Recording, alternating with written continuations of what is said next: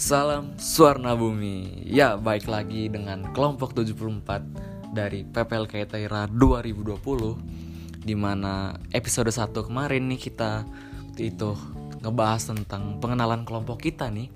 Sekarang nih kita mau ngebahas yang namanya uh, bahaya narkoba ya.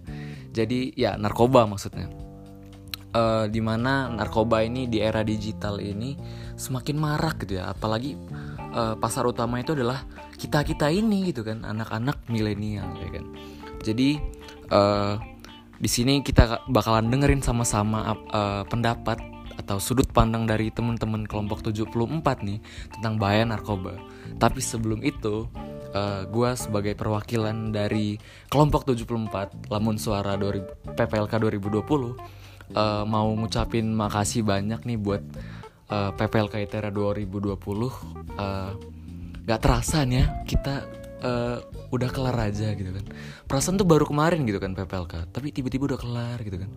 Ya gimana juga namanya juga uh, pertemuan tuh pasti ada perpisahan gitu ya. Padahal gue pengennya tuh PPLK tiap hari gitu kan. Tapi ya gimana gitu kan namanya waktu yang memisahkan gitu kan. Ya udah dah. Uh, gue juga mau ngucapin uh, makasih banyak untuk kakak-kakak dari Daplok mentor dari kelompok 74 ini yaitu adalah ada Kak Inge, Kak Fahri, makasih banyak udah uh, ngebimbing nih untuk udah nuntun tentang eh waktu kita di PPLK ini, makasih banyak. Oke. Segitu aja mungkin dari gua Wira ya perkom uh, untuk basa basinya ya kalau dia mau uh, follow Instagram gue boleh dari di @wirailga_underscore ya. Waduh, jadi promosi. Yaudah, langsung aja kita dengerin nih uh, sudut pandang dari teman-teman kelompok 74. Aduh, ngomong aja di gini. Yuk, langsung aja. Bye.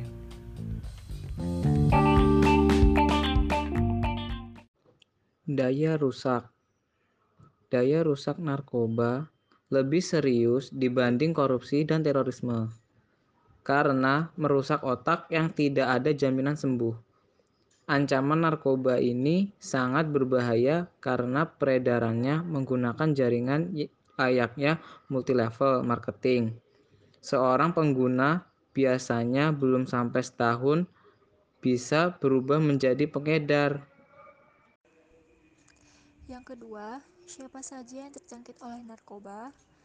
Narkoba itu tidak memandang status sosial, Seluruh lapisan masyarakat ikut terjangkit di dalamnya, dimulai dari pejabat, aparat TNI, Polri, BNN, jaksa, hakim, hingga masyarakat umum. Dengan rentan usia dimulai dari yang muda hingga yang tua. Di zaman sekarang, tidak hanya para laki-laki yang mengkonsumsinya, tetapi para wanita pun sudah banyak yang mengkonsumsinya. Wilayah penyebaran narkoba Menurut data dan hasil penelitian dari BNN kita, narkoba banyak digunakan oleh milenial atau generasi muda. Para pemasok narkoba cenderung mentargetkan atau melakukan pemasaran kepada para remaja. Karena remaja memiliki waktu yang cukup panjang untuk mengkonsumsi narkoba atau sebagai pengguna jangka panjang. Potensi pasar narkoba di Indonesia sekarang ini telah menjadi pasar potensial narkotika jaringan internasional dengan penduduk Indonesia lebih kurang 250 juta jiwa sebagai pasar potensial narkoba. Penyalahgunaan narkoba di Indonesia kurang lebih dari 5 juta orang. Akibat dari berbagai hal tersebut mengakibatkan peredaran narkoba di Indonesia menjadi yang nomor 5 di dunia.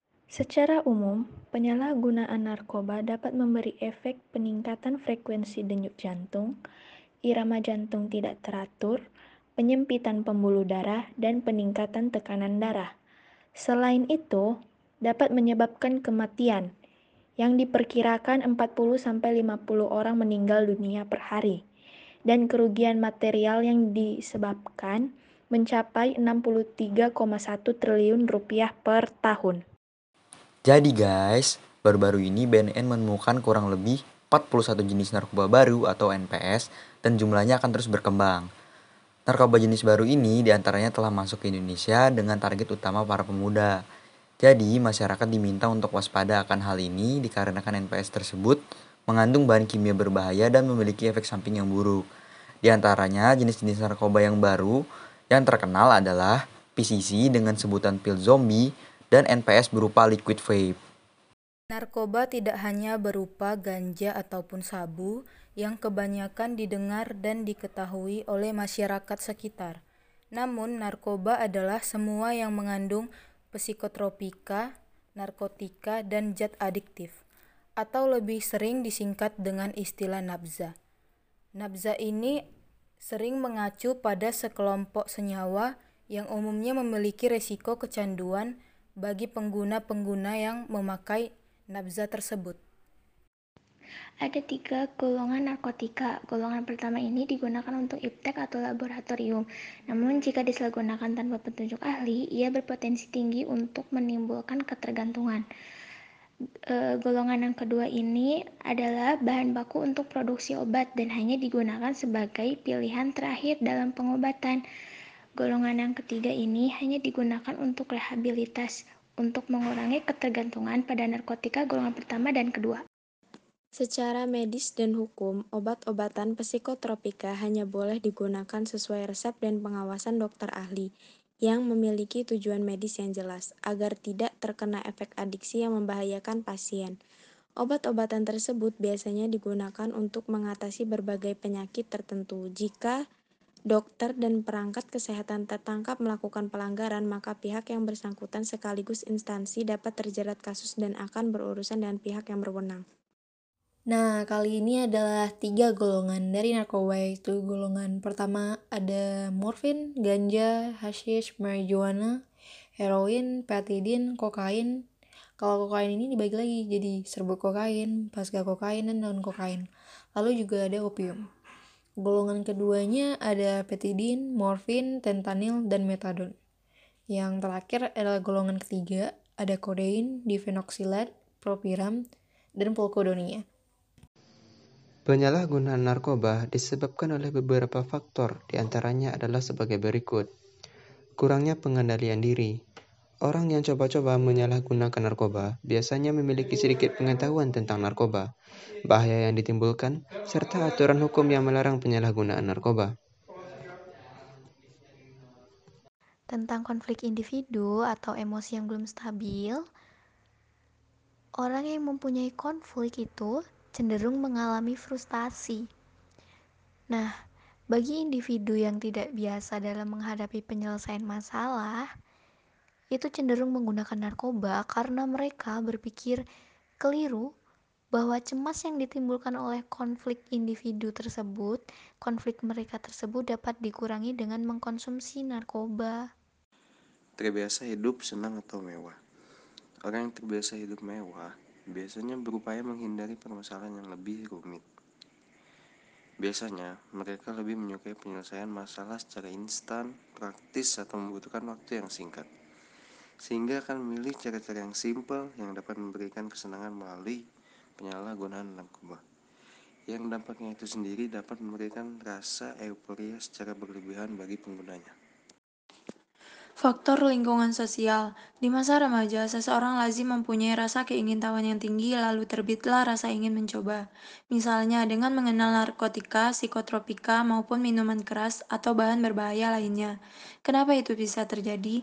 Karena orang tua terlalu sibuk dengan kegiatannya masing-masing, mungkin juga karena kurangnya rasa kasih sayang dari keluarga, sehingga para orang tua tidak mampu mengontrol apa yang dikerjakan oleh sang anak. Selanjutnya yaitu sarana dan prasarana. Seperti contohnya orang tua yang memberikan fasilitas uang berlebih ataupun alat telekomunikasi yang berlebih terhadap anaknya dan anaknya tersebut menyalahgunakan kepercayaan orang tua tersebut seperti halnya menyalahgunakan hal-hal tersebut untuk membeli narkotika untuk memuaskan rasa ingin tahu terhadap hal-hal yang belum mereka ketahui. Demikian, terima kasih.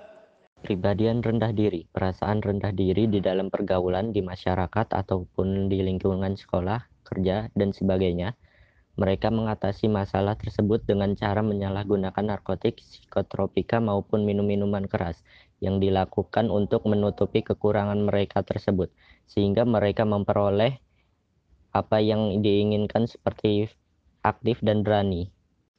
Emosional dan mental. Pada masa-masa ini, biasanya mereka ingin lepas dari segala aturan-aturan dari orang tua mereka dan akhirnya sebagai tempat pelarian yaitu dengan menggunakan narkotik, psikotropika, dan minuman keras lainnya. Lemahnya mental seseorang akan lebih mudah dipengaruhi oleh perbuatan-perbuatan negatif yang akhirnya menjurus ke arah penggunaan narkotik, psikotropika, dan minuman keras lainnya. Tanda atau gejala kemungkinan adanya penyalahgunaan narkoba pada seseorang dapat dilihat dalam beberapa hal berikut.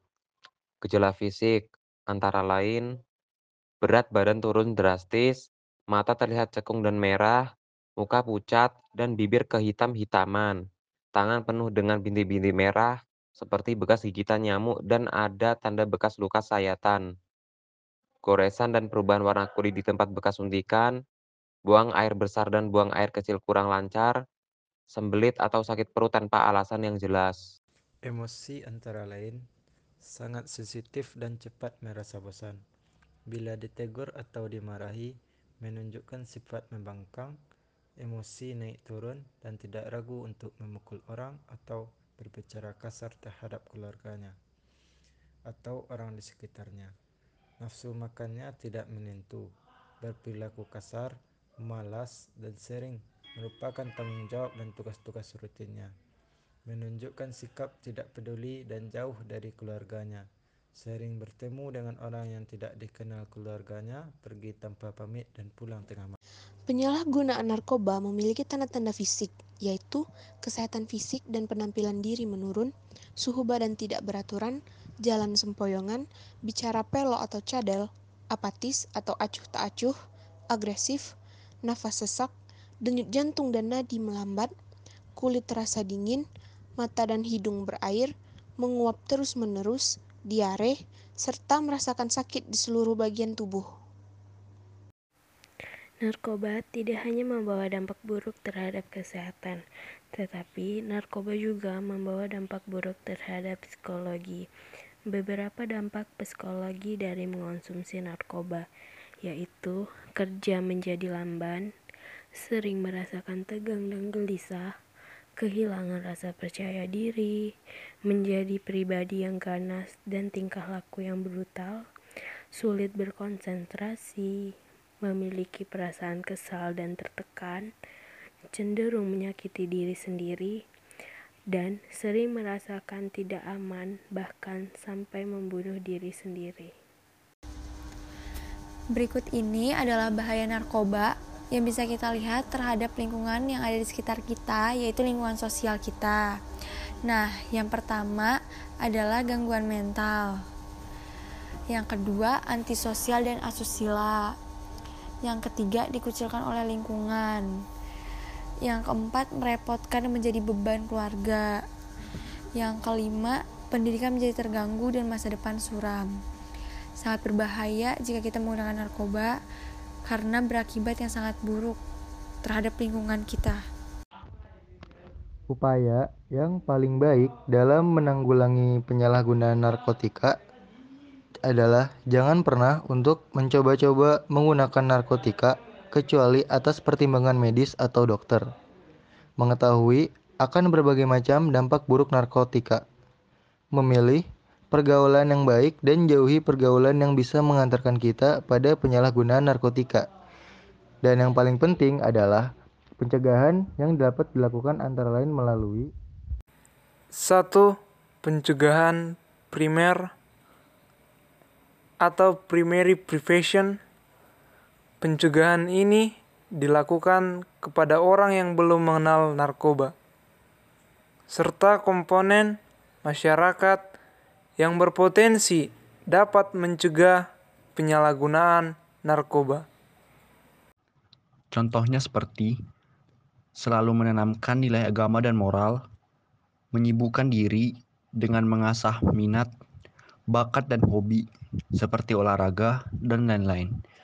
Merencanakan masa depan dengan belajar secara kritis, serius, dan tekun.